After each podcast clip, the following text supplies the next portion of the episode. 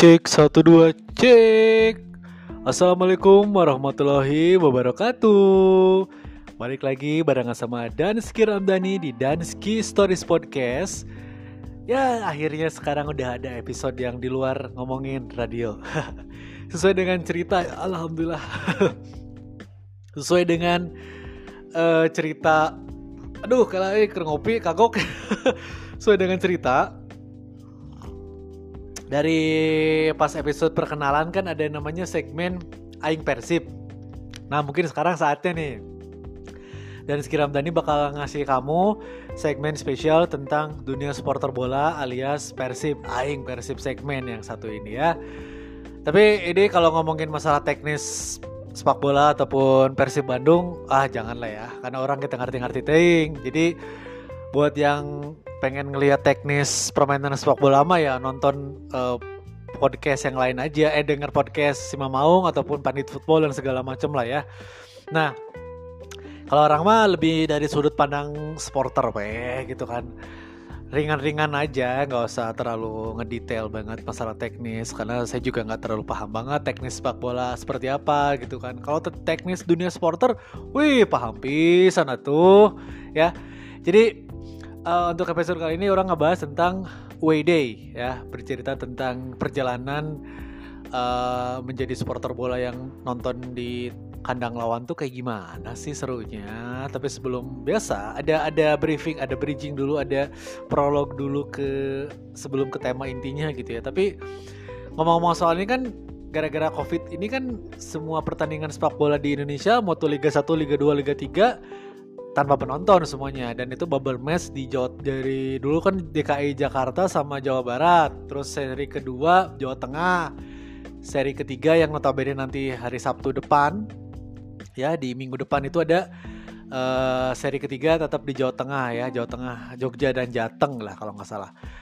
Kenapa nggak di luar Jawa gitu? Karena ya kos biaya untuk pesawat juga kan sekarang harus pakai swab terus juga nggak mungkin lah gitu tim tim-tim Liga Indonesia bisa pergi naik pesawat secara uh, private gitu kan kecuali menyewa private jet kan nggak mungkin duit dari mana. Orang pemasukan omsetnya juga berkurang kan semua eh, klub-klub uh, yang ada di Indonesia mau Liga 1 sampai Liga 3 gitu kan. Nah yang udah jalan kan uh, yang kemarin kan baru Liga 1, Liga 2 sama Liga 3 ya. Nah yang paling unik tuh Liga Liga 3 sih sebenarnya. Banyak yang wasit-wasit nggak jelas apalagi Liga 2 kemarin gitu ada kontroversi juga di Liga 1 pun sama beberapa wasit yang yang ngaco akhirnya disanksi lah. Persebaya lawan Persela itu ngaco sih. Harusnya gol dianulir offset nggak offset lah. Welcome to Indonesia lah. Mungkin udah kangen juga kan nggak nggak bilang wasit goblok gitu kan. Sekian setahun lebih kita mati suri sepak bola. Setelah dulu juga waktu pas zaman uh, dualisme juga kayak gitu kan. Kangen-kangen sih tapi kadang nyebelin juga gitu. Apalagi Liga 1 ya. Sebenarnya jujur aja sih kalau nggak ada persibnya malas juga nonton Liga Indonesia gitu. Banyak banyak hal-hal yang menyebalkannya non teknis dan segala macam. Apalagi komentator eh anto ah. Korea mungkin nyebutkan komentator manehna gitu.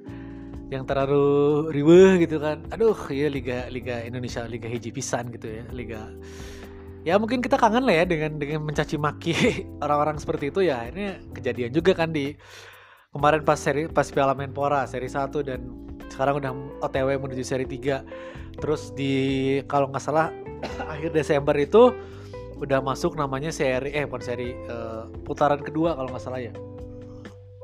Putaran kedua itu udah ya antara Januari awal kalau nggak akhir Desember tuh udah masuk putaran kedua gitu Liga 1 BRI Liga 1 sekarang juga lagi main kayaknya Liga 2 sih. Kalau Liga 1 kan lebih ke weekend kayak gitulah ya.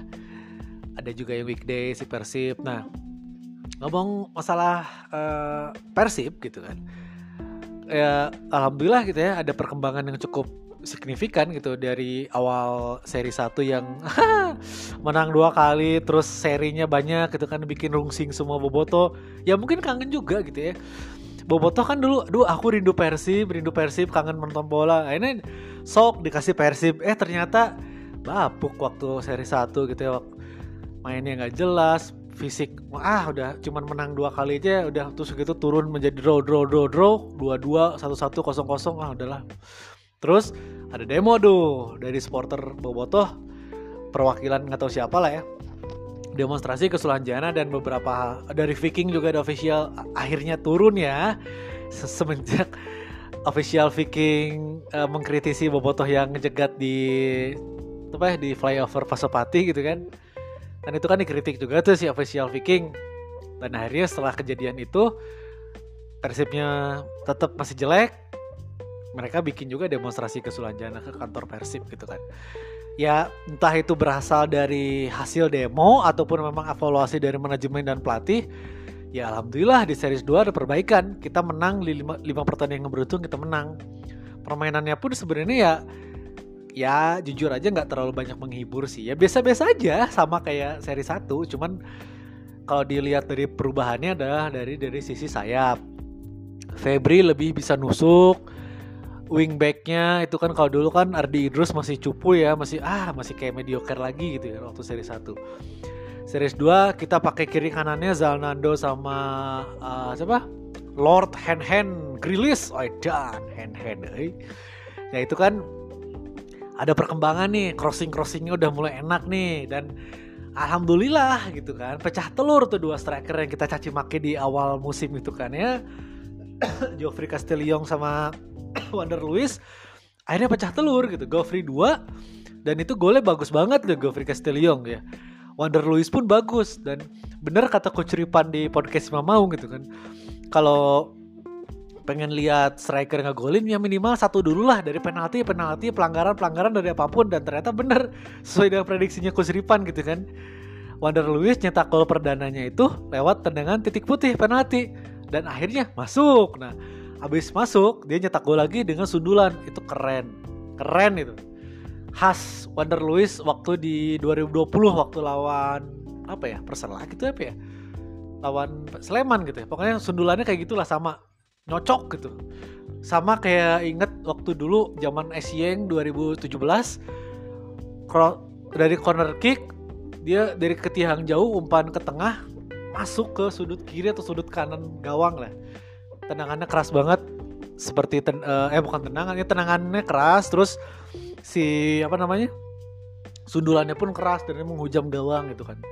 Nah itu kan kita udah lama banget ya nggak nggak kesel gitu ya ngelihat striker striker persib yang di putaran eh, di seri 1 tuh mandul gitu ya. Terus juga dengan Rashid yang cukup gacor gitu ya dengan sekarang udah mulai sedikit-sedikit alay gara-gara si hand hand ya pamaeh ya. Mudah-mudahan sih bukan ini ya bukan menjadi uh, perilaku buruk ya tapi menjadi perilaku baik dan menjadi kekompakan yang bagus juga buat tim Persib gitu. Dan karena saya lihat Rashid ini orangnya cair pisan gitu bagi hari gitu kan. Dan itu dengan sang mentor andalannya Lord Hand Hand Grilis gitu kan dengan joget Jaipongna walaupun isuk deui atau Jaipong juga gitu. Rashid aduh Habibi Aki Rashid gitu kan Jaipongana jika nu maksa itu ya memang belum lah. Nanti mungkin harus belajar lagi sama Ridwan Barkawi kalau misalnya Jaipong gitu ya. Karena hand hand selaku mentornya pun masih gitu gitu. Kayak ngelatih Jaipong kan gitu ya lumayan lah dibanding lumayan mah gitu dibanding deh gitu kan. Ya, tapi mencuri perhatian lah. Awalnya Rashid nyetak dua gol sekarang top scorer sementara kan Rashid 5 gol. Terus uh, siapa lagi tuh teh Makrok 1 uh, Wander Lewis 4 Castillion 2 aja lumayan lah dua striker kita tuh andalan udah mulai nyetak gol 2 gitu ya satu dua eh empat satu dua satu empat ya dibanding tapi masalah Castillion sih tetap ya masalah standarnya Kak Geoffrey itu adalah fisik. Jadi dia tuh nggak nggak bisa main full 90 menit. Jadi kalau nggak bapak kedua main, dia main cuma sekitar 50. Karena kelihatan loh kalau nonton di rumah itu kalau kamu nonton lihat di TV di menit 50-an tuh atau 60-an tuh udah si Geoffrey itu udah banyak ruku gitu. Aja ya fisik. Yong ajak teh kumaha gitu fisik terus Ezra Walian satu kan iya satu Ezra dia udah masuk satu gol gitu kan. Lawan lawan pemuncak klasmen kan saat itu kan. Lawan Bayangkara yang King Eze aja tuh bisa naon tuh ke Persib masuk. Segitu brutal Ezekiel di kotak penalti lawan lawan Persib tuh bisa naon penalti gagal si Eze masuk kalem ayat Teja ya King Teja paku alam paku bumi wah paku beton dan segala macem lah gitu ya. Nah kiper juga kita beruntung sih punya Teja terus ada Nasir yang mungkin progresnya sedikit demi sedikit lah dari kepulihan dari cederanya gitu kan. Tinggal mungkin next step di tahun depan mungkin ya beli Made harus bisa kembali lagi ya sempurna gitu harus bisa mendapatkan posisi yang enak lagi di gawang gitu ya. Karena mulai tahun depan kan udah mulai hektik ya. Kalau putaran dua tuh bener-bener mana mau naik gelar gelar juara emang kudu lompat gancang gitu bisa setengah-setengah gitu ta mulai Desember akhir atau Januari putaran kedua memang mental semua harus kuat.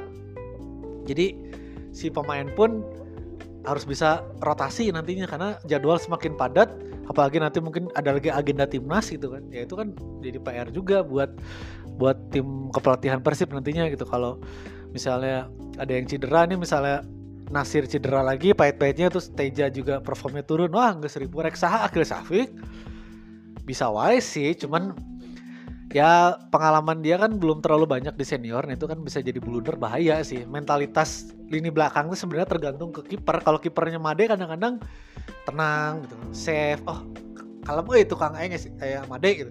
Atau enggak Teja. Tapi kalau yang kiper-kiper kayak di Kabayangkara dulu kan ya back lagi geber center back atau sayap back kayak ngerasa bahaya. Oke okay, jadi kerjanya juga cuma defense tapi nyerangnya nggak nggak bagus gitu. Ya contoh kecilnya lah kayak kemarin kan.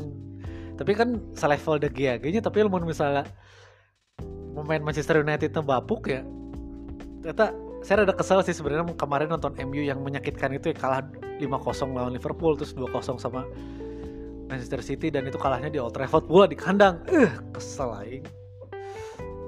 Jadi De Gea tampil bagus tapi juga backnya juga bapuk gitu.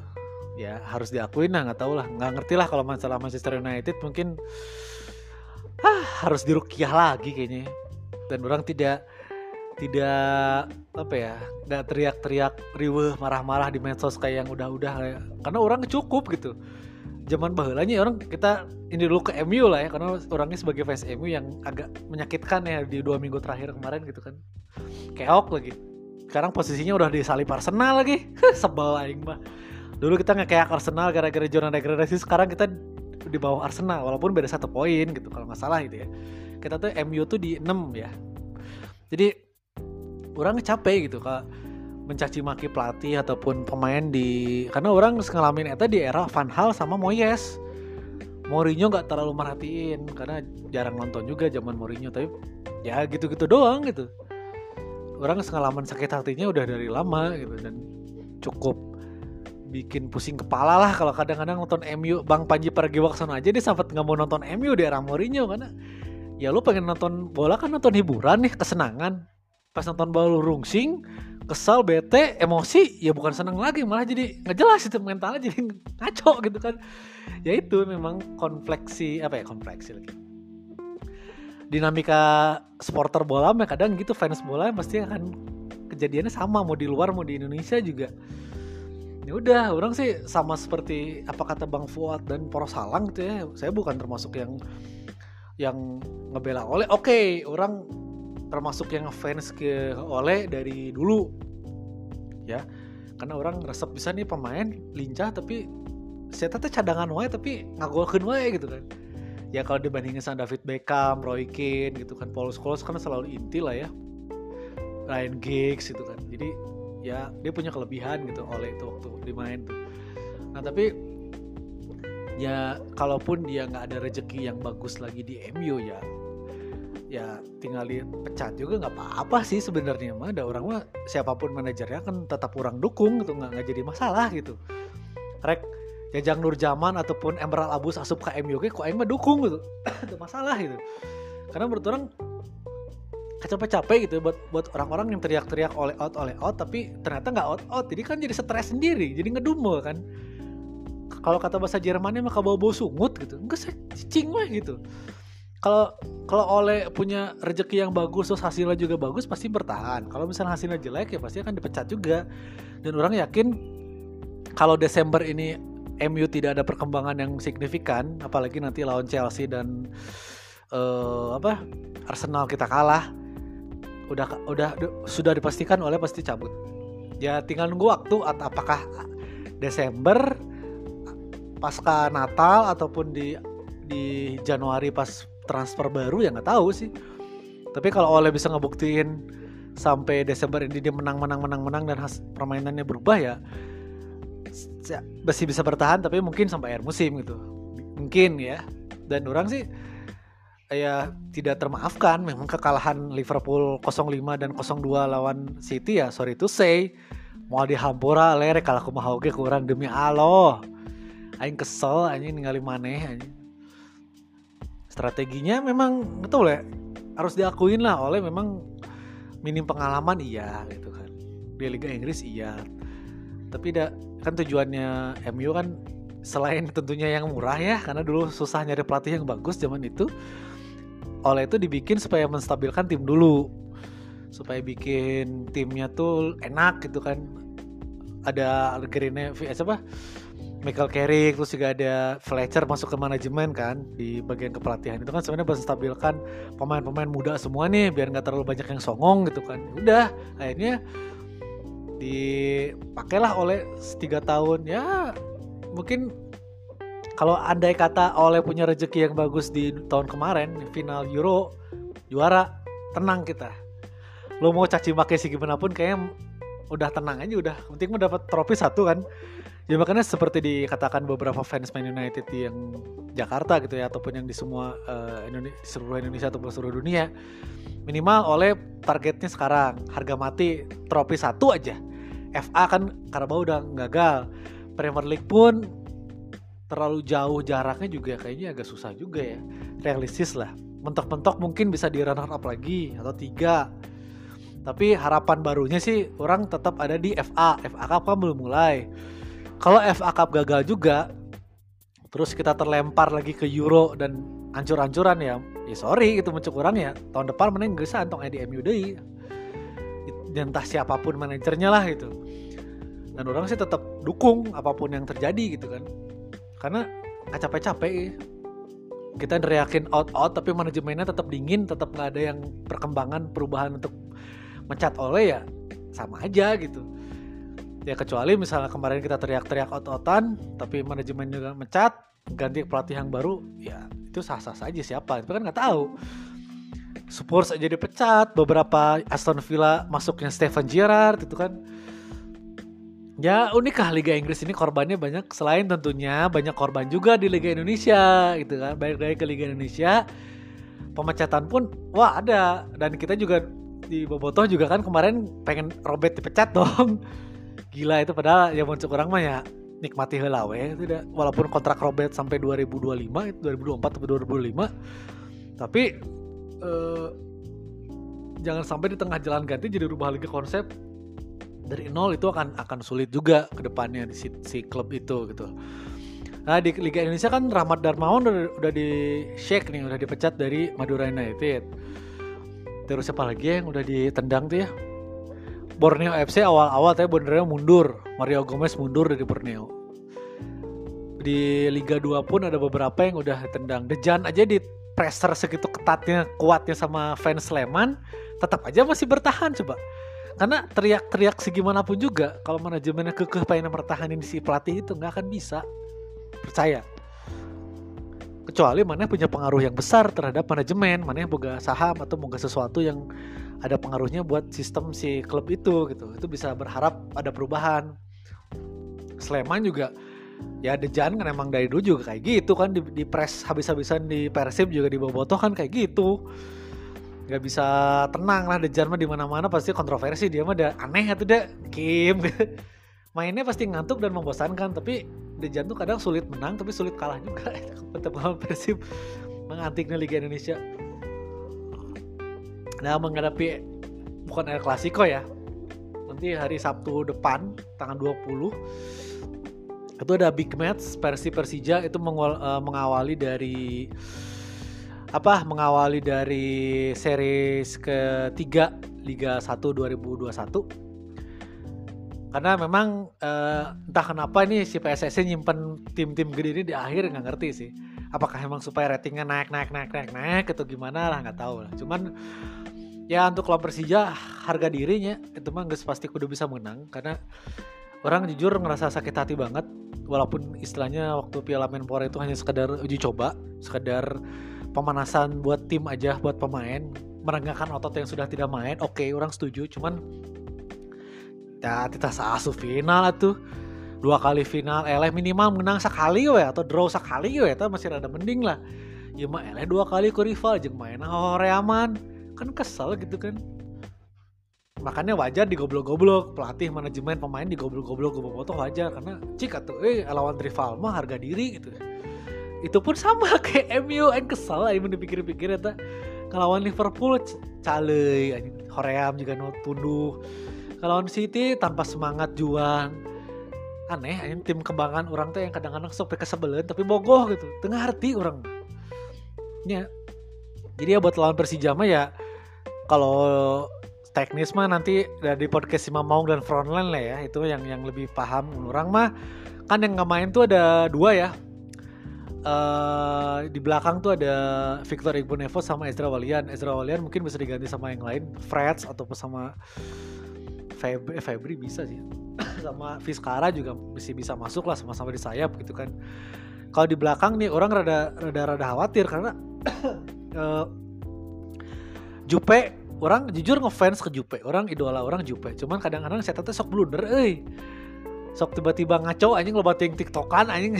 Jadi aing jujur kehel eh bukan kehel sih. Rada kesel sih orang ningali Bang Jupe gitu. Maaf ya Bang ya. Lihat Bang Bang Jupe yang gagah keren gitu tiba-tiba juga juga TikTok. Aduh Bang semoga sehat selalu Bang ya. Jangan sampai blunder lagi. Lawan Persija semoga Abang sehat. Bang Jupe bisa menampilkan permainan terbaik tapi orang yakin karena biasanya namun duet Jupe jeung Nick kokoh ta Nick paling ngabeakeun Marco Simic. Nah Jupe nating saha anu dicekelan. Nah untuk belakang ya fullback mungkin masih PR ya apakah pakai Bang Pardi atau Ardi Idrus yang petarung karena harus ada pemain senior atau menggunakan uh, strategi yang kemarin. The winning team don't change the winning team tuh harus ya tergantung Robert sih mau kayak gimana ya. Cuman kalau ngelihat dari prospek si Zalnando sama siapa?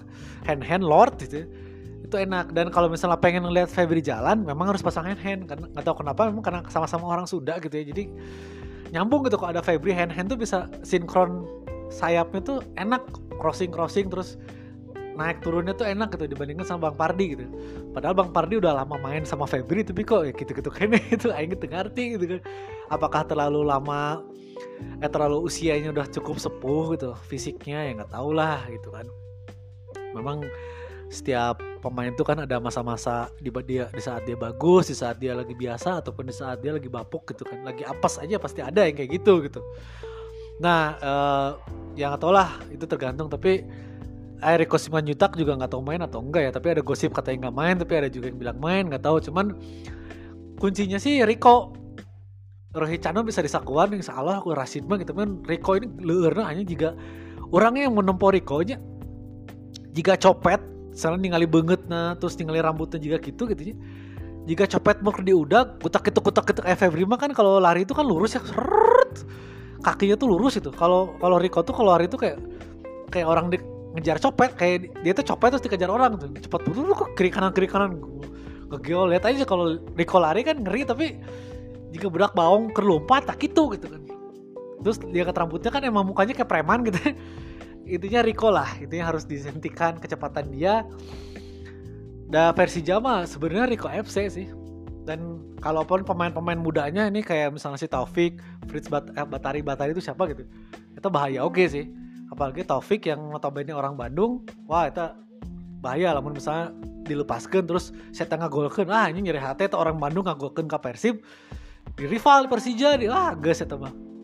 Bakal jadi pikirannya jika kemarin ya jika saya tahu ya kan di Piala Menpora kan saya tengah gol kan lege gitu kan. Udah pasti gitu orang Bandung mau eh, main di tim rival lege gitu Persib semoga bisa jadi legegnya tong terlalu santun. Ingat ya coach Robert dan teman-teman pemain juga. Lawan Persija tuh harga diri dan harus pahami uh, rivalitas Bobotoh dan Persib Persija tuh kayak gimana. Jangan oke okay lah ini kan ya permainan Persija juga nggak bagus-bagus amat. Ke mana juga menang cuma dua kali sisanya draw kalah gitu kan. Cuman ingat lawan Persib mah mereka lebih bisa meledak. Loh hati-hati loh. Lawan Persib mereka bisa lebih bisa meledak dan kita juga harus bisa lebih meledak karena kondisi kita lima kali kemenangan permainan udah mulai enakan. Harus bisa lebih meledak harus bisa lebih ngotot dan itu siapa lagi orang kudu legek gitu. Tong sampai eleh legek gitu. Menusan ayah legek karena Persija mah jago pisan mainkan mental pemain Persib gitu. mental ges benang kita ngenahan otaknya kudu kudu bisa jadi legek lah gitu. Tong terlalu santun ges lah santun santun ting merek naon atau dan kejadian juga di kemarin di di MU gitu ya. Roy Keane selalu mengkritik pemain MU yang terlalu santun ke pemain Manchester City ke Man City. Peluk-pelukan senyum-senyuman ke mana atau padahal dulu si Peter Schmeichel dari MU pindah ke City Gary Neville sama sekali baud sama sekali nggak senyum sama sekali nggak mau salaman sama si Peter Schmeichel karena dia, dia udah pindah ke si tetangga berisik itu ke Man City jadi betapa punya motivasi yang kuat sekali gitu kalau kalau bermain bersama rival itu kan orang kebung eleh jeng manehna gitu ta itu harus ditanamkan oleh coach Robert dan juga mungkin kapten Bang Jupe atau siapa pun lah. Kalau eh, kemungkinan sih kapten kayaknya Bang Jupe atau Bang Pardi lagi gitu ya. Kalau Ibu Nevo kan nggak ada gitu. Harus tapi ini ini ini Persib ini harga diri Jawa Barat loh. Jangan sampai kalah lagi, jangan sampai bikin malu lagi. Menang karena itu akan menjadi uh, titik balik di mana ke depannya akan kayak gimana nih permainan. Karena kalau menang mentalitas naik Persiraja gampang karena lawannya cukup berat selain Persiraja ya. Persib uh, apa Persebaya juga uh, orang pemain-pemainnya licin-licin semua, pemain muda. Arema juga lagi bagus. Jujur aja kalau Persib kalau dari segi ya dikit-dikit lah teknis-teknis dikit lah ya. Ada punya kelemahan di uh, lini belakang terutama dalam arti menghadapi pemain-pemain cepat. Dan Nick Wipers itu titik lemahnya adalah pemain cepat. Betapa pusingnya kemarin Nick Wipers tidak bisa mengawal seorang siapa itu? Irfan Jaya. Terus juga waktu PP Pora Persebaya kita keteteran habis-habisan. Ujung kita udah menang tiga gol kan jadi akhirnya tiga dua kan jadi itulah yang yang bikin orang deg tuh kecep pemain-pemain yang punya kecepatan tapi selalu merepotkan pertahanan Persib gitu kan. Ya semoga Febri mainnya konsisten juga Freds udah kembali ke forma yang terbaik. Buat orang seri 3 ini adalah penentuan gimana kita bisa bersaing gelar juara atau enggak. Karena lawan Bali juga nanti habis series ketiga ini tetap ada lawan Bali jadi masuk putaran kedua itu harus ngebut. Kayak misalnya logik dianalogikan sebagai ujian nasional SMA gitu ya. Kalau tujuannya cuma ujian nasional SMA doang ya selesai. Tapi kalau tujuannya memang SBMPTN atau ngejar universitas favorit itu kan belajar lebih giat dan ngejar ngegasnya lebih kenceng gitu ya. Ngegasnya lebih kencang belajar lebih giat itu juga yang saya alamin. Yeah ya ya ya karena itu kan itulah masalah teknis dikit lah ya. Mudah-mudahan bisa ada harapan buat Persib meraih 3 poin lawan Persija? Itu mah harga mati eh. Harga diri Jawa Barat eh. Nggak boleh dienggak-enggak lagi. Menang 3 poin. Amin ya Allah. Ya dan ngomong-ngomong soal 3 poin ada satu momen di mana kadang-kadang mendapatkan tiga poin itu susah di laga away terutama di saat kita datang ke uh, datang menggunakan jalur darat ke tempat stadion away. Itu kadang-kadang suka kesal juga sih kalau bobotoh yang datang ke away terus tiba-tiba mainnya jelek dan kalah itu kan menyakitkan gitu kan. Nah baik lagi ke judul awal ini masalah uh, away day supporter gitu kan. Mungkin kangen ya buat uh, teman-teman bobotoh Viking ataupun supporter yang lain kayak bonek The Jack Arema itu kan. Kita ini udah hampir 2 tahun loh nggak ngelaksanain away day. Mungkin buat sebagian orang pertanyaannya adalah nanaonan atau nggak saya laju di rumah laju di TV saya nonton home eh gak bisa. Kalau saya pribadi sih nggak nggak nggak terlalu nggak terlalu apa ya kalau nonton home tuh nggak terlalu serak kalau nonton tiap match gitu. Minimal kalau orang targetnya adalah home tuh dua aja. Home yang laga biasa lawan yang laganya kemungkinan menangnya tinggi sama big match. Persija Arema Persipura atau Persebaya lah atau Bayangkara. Tapi uh, itu juga kalau tiketnya ada. Kan dulu kan penyakitnya adalah tiketnya susah banget. Jadi ya bikin malas juga karena kesulitan tiket gitu. Nah kalau ngomong-ngomong soal way ini kan orang termasuk no Viking pisan bobotoh gitu ya. Asik. Jadi dari zaman dulu itu orang udah termasuk suka selain ini ya selain orang dulu kan SMP tuh orang fanatisme ke bolanya dikit tapi orang lebih cenderung nonton Formula One Michael Schumacher saat itu kan. Makanya disebut Dadan Sumaker saat itu. Karena penggemar Ferrari tapi ke bolanya nggak terlalu banyak. Nah satu momen ini cerita away pertama. Ini baru diceritain di sini lah ya karena ini tuh waktu SMP SMP kelas 3 gitu kalau nggak salah. Iya kelas 3 sih soalnya seragamnya masih biru dan celana pendek. Nah abis itu itu kan orang tuh sekolah di sekolah Islam yang masuknya tuh siang sampai sore. Ada ada teman teman ini ya termasuk yang no ya golongan yang jelma ayah lah ya ada bengar gitu kan ngajakan we ayo nonton kaya ke Tangerang. Cur itu bukan duit dipangmayarkan ke mana nanti dibayarin lah sama teman saya itu dan ya akhirnya orang ikut ke Tangerang saat itu SMP kelas 3 dan orang kan kalau Tangerang kan deketnya dulu tapi lupa ya liga tahun berapa ya itu 2003 pokoknya Tangerang lah ya Tangerang tuh uh, berangkatnya tuh pagi sampai ke sana sore dan mainnya tuh sore. Nah kebetulan orang kan sekolah siang, jadi orang teh dari rumah tuh udah pakai seragam sekolah, jadi ke rumah teman pura-pura sekolah lah gitu kan. Ganti baju, dikasih pinjemin celana panjang, kaos, jaket segala macam dipinjemin berangkat karena berangkat itu kalau nggak salah jam setengah sepuluh atau jam sepuluh pagi mainnya tuh sore. Jadi kan keburu lah Tangerang udah deket ya nggak dan jalan tol dulu nggak belum memang belum ada Cipularang sih. Lewat puncak kan perginya harus pagi kan. Belum ada Cipularang harus Tangerang. Uh, ya itu kan berangkat pagi pulang malam jadi orang ngomongnya uh, uh, sekolah tuh orang ngomong ke sekolah nama izin ayo urusan keluarga. Ngomong ke keluar ke orang tua mah tetap sekolah tapi ayah apa ya uh, kerja kelompok. Kerja kelompok di rumah teman tapi dari pagi sampai malam. Nah, malamnya orang nginep dan emang benar orang pulang dari Tangerang nginep di rumah temen eta gitu kan. Ya dan eta way, way perdana orang masih remaja masih culun kene itu buka duit tapi maksakan gitu. Nah karena diajakin ya sok we rek mamayarkeun mah nyayu gitu kan. Diajakin sama temen ke Tangerang sana. Sebenarnya perjalanannya cukup lama ya karena orang uh, ke puncak teh kalau biasanya ke cuma ke Dufan doang wisata ini mah ngelewat puncak tapi lewat OTW-nya adalah tujuannya ke Tangerang, otomatis ngelewat Jakarta. Orang dulu inget adalah ya lempar-lempar jumroh mah aja lah saat ketika mah gitu. Karena orang ruas begitu lewat Jakarta ada yang petak petak petak kira ente hujan ternyata ada yang lemparin bapak sebagian ada yang turun ada yang nyerang ah udah anjir iya mimiti uwe orang chaos dan ternyata chaos yang lebih gede biasa. Kalau Tangerang itu kan kalau masuk Viking kalau kata yang zaman dulu gitu ya syarat utamanya kalau masuk Viking Persib Club itu adalah mana kudu bisa away Tangerang yang kudu bisa gelut jadi itu di Tangerang chaos gitu milu terlibat kerusuhan. Aing cara masuk Vikingnya guys kerusuhan. Saya lupa hasilnya berapa menang atau draw tapi untuk selamat tuh menang sih. Ting elah ting pokok-pokok lah. Ya udah udahlah pulang gitu. Itu pertama kali away Tangerang gitu ya ya udah gitu ya jarang lagi nonton Persib. Bahkan di Siliwangi ini jarang. Perta perdana nonton Persib di Siliwangi teh SMA kalau nggak salah. Lupa ini SMA dan itu teh nonton yang jebol di Siliwangi. Uh, apa ya? Persema gitu ya sampai meluber ke pinggir jalan eh ke pinggir Central Ban Stadion.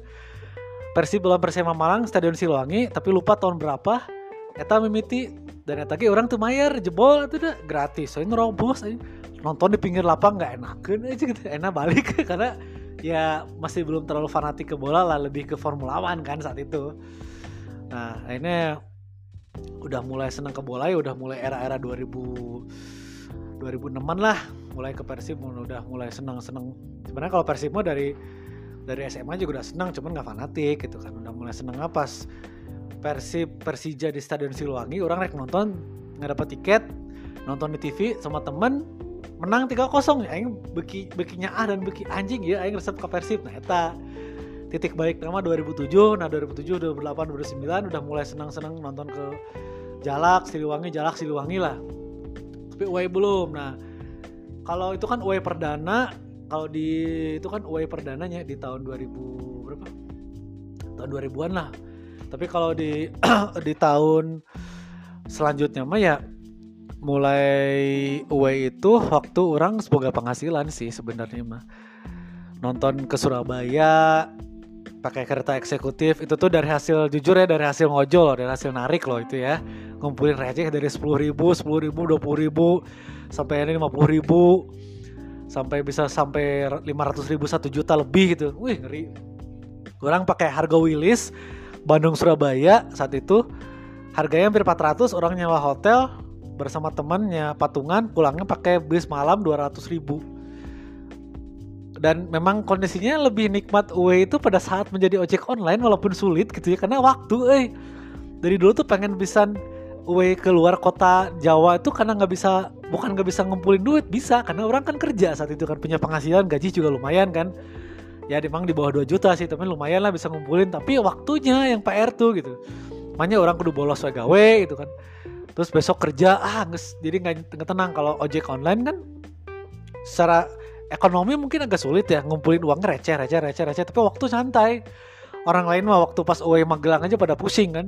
Aduh orang isuk kan gawe eh jam seki jam seki. Aing mah sare isuk mah. Narik mah kayak deh gawe sore narik mah gitu.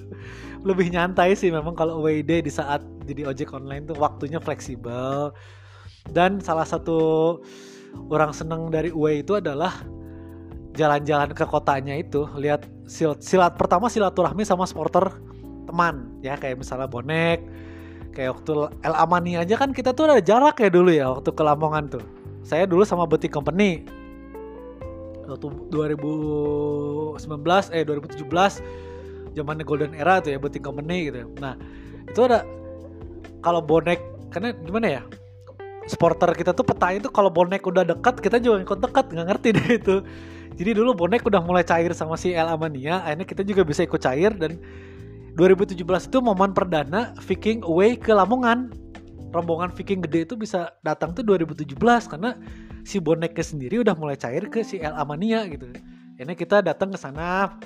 Orang ayah fotoana saat itu di sekretariat El Amania gitu kan. Haridang dan jujur kalau di Jawa Tengah Jawa Timur tuh paling enak lumpia. Aduh, lumpia 5000 perak tapi gede kenyang. Wah, itu enak banget.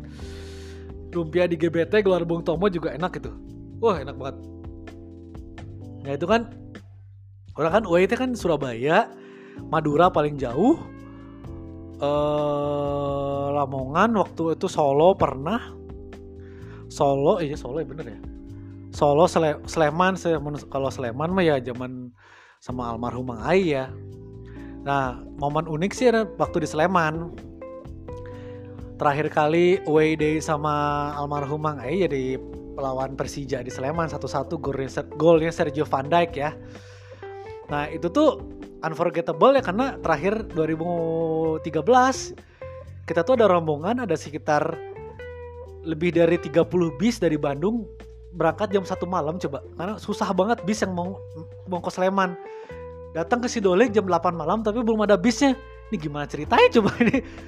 Wah bus itu kan. Naik akhirnya datanglah Mang Ai itu uh, ada dapatlah alhamdulillah bis. Dan Mang Ayo waktu itu pertama kali datang uh, apa ya datang pertama tuh bilang uh, ke rombongan Viking ya. Ke rombongan Viking yang di bis di, di bis orangnya ayah almarhum Mang Ayo datang ngomong ke Dariuk lah Dariuk Dariuk Dariuk. Iya dengnya kan baru dak dengnya kan lah tur ayuna kemungkinan besar gelut. Ya lamun maraneh tuh wani siun turun mumpung di Bandung keneh gitu cek mang Ai gitu. Terus kata mang Ai itu barudak boboto teh waran uh, waran itu maraneh cina wani mang. Geus gitu. Itu ke semua bis ngomong kayak gitu. Karena mang Ai itu nyiapin mental ke kami gitu ya ke boboto supaya maraneh teh boga ngejaga harga diri iya persib jeng ngaran bobotoh iya ngejaga keselamatan barudak jeng keselamatan diri masing-masing gitu kan. Itu kan menjadi salah satu momen ya di Uwe Sleman gitu kan. Orang rek gelut yang dejek telepon ke Indung gitu. orang ngomong dejek anjing gitu. Gus rek naik ke tribun gitu rek naik ke tribun di sebelahnya gitu. Kan harusnya kan kita teh bobotoh tuh di Sleman ditempatin di tribun selatan ya. Karena tribun harganya dua puluh ribu dan itu tiketnya kuning. Tapi ditempatin sama uh, spanduk-spanduk The Jack nah akhirnya kita nggak nggak terima dong. Itu kan tempat orang itu kan tempat kita bobotoh harusnya di situ.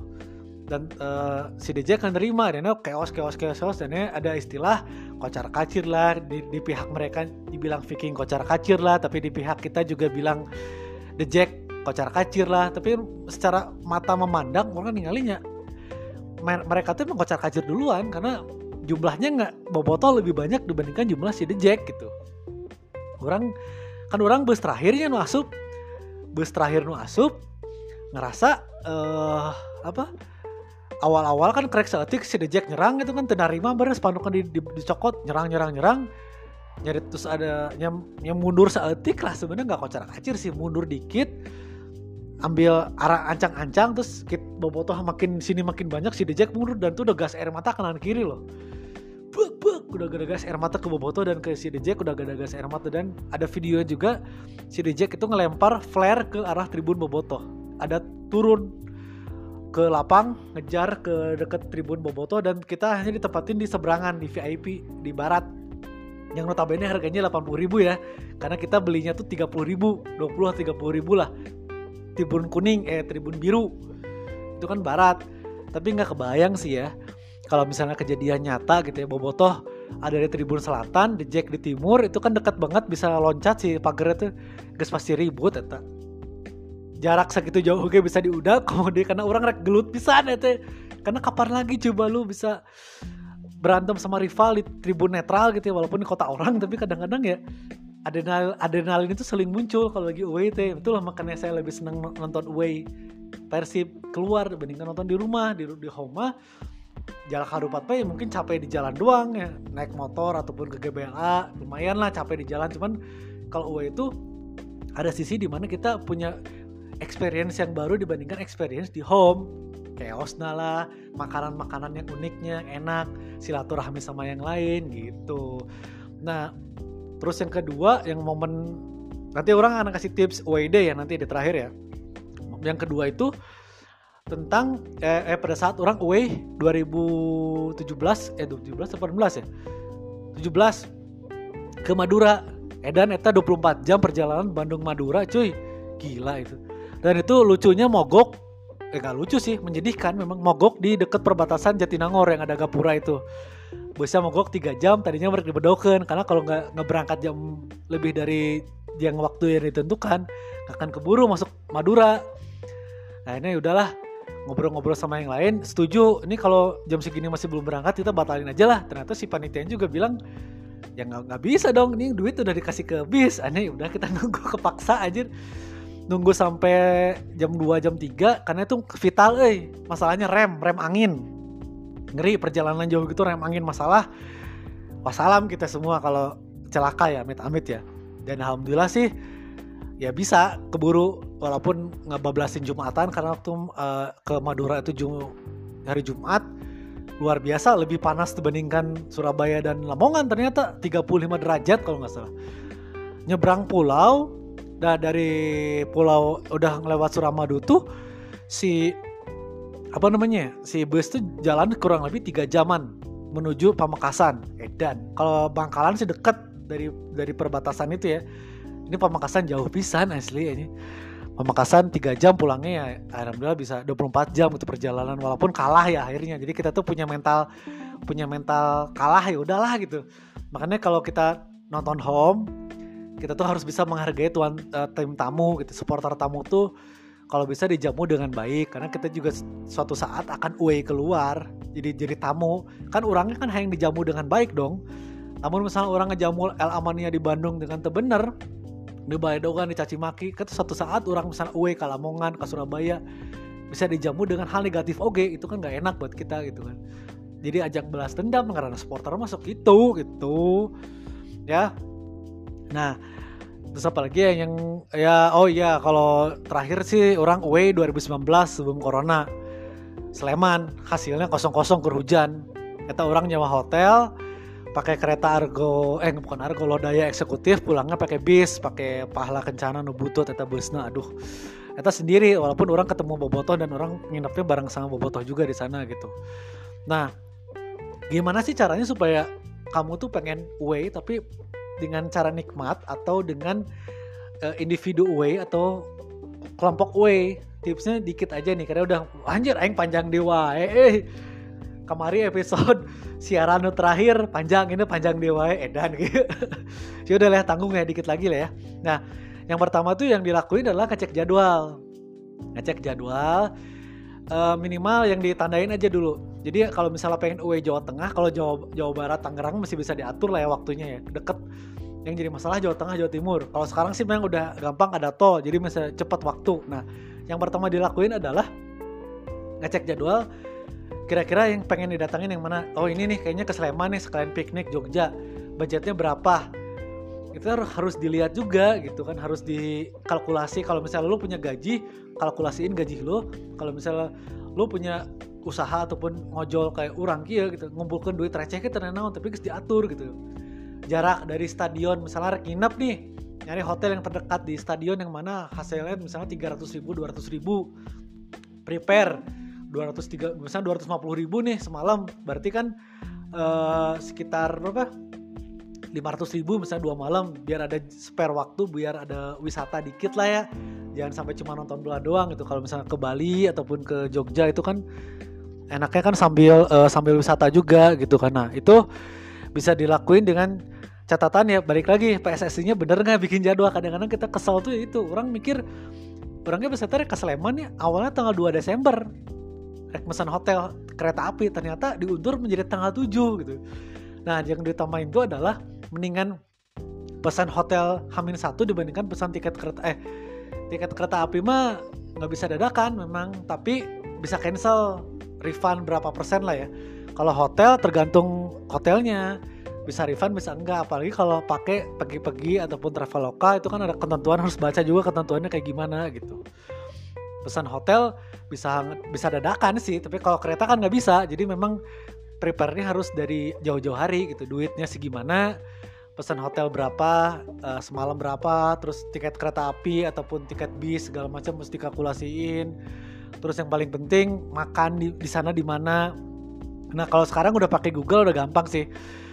Nyari tempat makan dekat hotel di mana. Terus yang paling yang paling orang sering lakuin adalah ngecek Google tentang harga ojek online, taksi online tuh berapa gitu kan. Karena bisa dicari dari Stadion Maguharjo ke Malioboro berapa harganya. Misalnya harganya 20 ribu, bolak-balik ke sini berapa. Di Google, oh gambarannya segitunya. Mungkin kalau pas hari hanya paling beda 3 ribu, 4 ribu lah. Harus ada prediksi uang segitu gitu. Karena orang jujur away ke Sleman itu megang uang 1,3 ya maksudnya 1,3 itu udah semua akomodasi hotel makan ojek online uh, beli merchandise beli jajan di Malioboro dan segala macam itu kurang lebih ya segitu gitu. Nah uh, kalaupun itu kan ada waktunya tiga hari empat hari. Nah mungkin kalau yang pengen tour away bersama rombongan Viking atau bobotoh yang lain juga sama harus mikir juga gitu kan.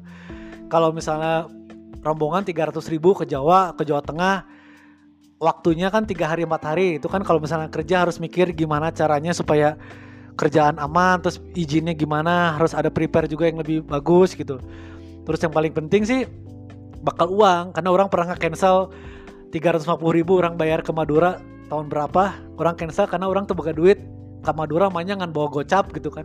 Minimal kalau ke Jawa Tengah itu 150 ke Jawa Timur 200 sampai 250 karena perjalanan pasti memakan waktu yang sangat panjang makan jajan. Jajanan memang kalau makanan murah sih ya di Jawa Tengah Jawa Timur. Cuman kadang-kadang suka pengen jajan pengen beli merchandise sal segala macam. Itu kan ngeluarin uang dan antar terduganya harus nyiapin. Ya intinya preparation uangnya harus harus bisa kuat lah ya. Minimal uh, kalau way sendiri itu satu jutaan lebih. Kalau Bali sih lebih ya. Kalau Bali mencuk orang bisa lebih dari 1, bisa berdua juta sih. Tapi orang penasaran. Next step orang berharap kalau ada away baru lagi orang pengen ke Bali piknik sambil away pakai pesawat atau pesawat sih intinya. Amin ya Allah semoga dapat rezekinya. Pengen ke Bali dan mengulang lagi ke Surabaya itu dramatis pisan Surabaya. Uh, menang 4-3 kan satu.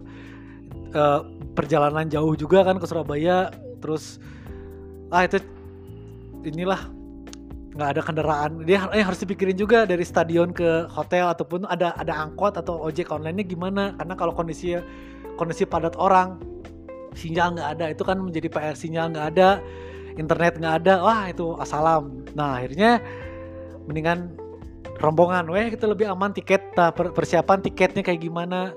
Harus koordinasi sama siapa kalau punya tiket? Nah itu pun harus dipikirin juga ke depannya kayak gimana. Ya pokoknya sih inilah cerita orang tentang away day gitu ya tentang kenapa orang lebih senang away dibandingkan itu karena pengen ada silaturahmi sama teman-teman supporter lain karena bosan nonton di rumah pengen liar dan pengen ya berrekreasi selain piknik. Kalau misalnya piknik eh, kalau away-nya ke Jogja ataupun ke Bali sih bisa piknik ke Tangerang itu lebih ke adrenalin GBK final eh, piala eh, piala presiden dua piala presiden jeng Bayangkara orang ke GBK juga itu kan adrenalin juga chaos. Orang pertama kali nonton bola di GBK itu dua itu match Piala Bayangkara kalah Piala Presiden menang 2-0 yang menyesalkan sih away ke Palembang sih. 2014 orang tuh bisa milu karena orang gawe tapi Palembang orang pernah ngelakukan 2011 um, 2011 orang pernah ngelakuin Palembang. Zamannya Bayhaki tak butut pisan Persib orang pernah mencaci maki. Cik atau sekali kali pemain teh make bus atunya ada supporter teh jauh di Bandung ke Palembang teh ngelewatan Lampung yang jauh. Tapi pemain mainnya juga gitu tengah hargaan bobotoh nu datang. Nah itu ya istilahnya nerima kalah lah ya. Kalau bobotoh tuh bisa nerima kalah di saat away di saat kita meraih kemenangan away itu senangnya luar biasa. Di saat kita kalah di kandang pun ya udah biasa juga. Karena kita juga pernah pernah menang away kita juga kalah di home. Ya proses menjadi supporter bola mah ya seperti itulah. Ya pengen nyeritain lebih panjang lagi karena ini juga udah cukup udah cukup lama udah 50 menit. Hanya aing sajam dewa hei edan nih aing nyeritakan kieunya podcast sorangan ge bisa sakieu ngeri-ngeri sedap ya orang ya ya pokoknya tentang segmen yang aing persib ini orang menceritakan tentang uh, ini kan cara untuk way yang terbaik tuh kayak gimana. Mau lewat hotel mau lewat individu away day ataupun lewat rombongan itu kan tadi udah ceritain. Kalau lewat rombongan prepare uangnya Jawa Tengah itu sekitar 100 ribuan kalau Jawa Timur sampai 200 terus bakal makanan yang banyak karena perjalanan cukup jauh pakai bis berdesak-desakan kayak gimana. Kalaupun pengen uh, pengen away day individu jika orang bahasa eta ke Sleman ke Surabaya yang nyiapin uang sebanyak-banyaknya lah. Ya hotel akomodasi segala macam dilihat di Traveloka pergi-pergi ataupun yang gimana prepare uh, ojek online taksi online kira-kira berapa range harganya dari stadion ke tempat hotel tempat penginapan tempat rekreasi harus diatur? Ya intinya secara matematis mah harus dihitung karena nggak bisa. Orang tipikal ya mohon maaf walaupun saudara sama bonek gitu ya tipikal kayak bonek mah bawa sepuluh ribu ke Jawa Tengah nggak bisa. Orang dengan kena terjadi mil dibandingkan ngaribukan batur gitu. Dan tipikal supporter Bandung adalah ya ciri khas supporter Bandung mah kudu gaya kudu beda jeng batur Bandung mah kudu beda Bandung mah kudu gaya gitu kan. Terkesan elegan eksklusif loba duit padahal mantu ya jadi intinya gitulah ya. Nikmatin segala macam proses OED dan jujur orang kangen banget bisa OED lagi walaupun orderan lagi orderan ojol juga lagi ripuh. Ya semoga ada rezekinya lagi kalaupun dapat kerjaan yang baru. Bisa spare uang, bisa jalan-jalan lagi keluar, bisa menikmati keindahan stadion selain stadion yang ada di kota Bandung. Di luar Bandung lebih keren loh stadionnya, atmosfernya juga lebih keren. Atmosfer keren, GBT keren. Uh, luar biasa keluar Bung Tomo saat itu ya. Kita menang pula 4-3 dramatis anjir. Tapi momen-momen menyenangkan away itu kalau menang gede, main bagus, enak. Momen kalah, main jelek, sakit hati, tapi ya udah, it's fine nonton bola banyak gitu menang kalah seri nikmatin aja bro ya. Udah gitu aja. Terima kasih atas waktunya. Mohon maaf ada kesalahan kata. Ketemu lagi di mungkin episode berikutnya. Wassalamualaikum warahmatullahi wabarakatuh. Bye bye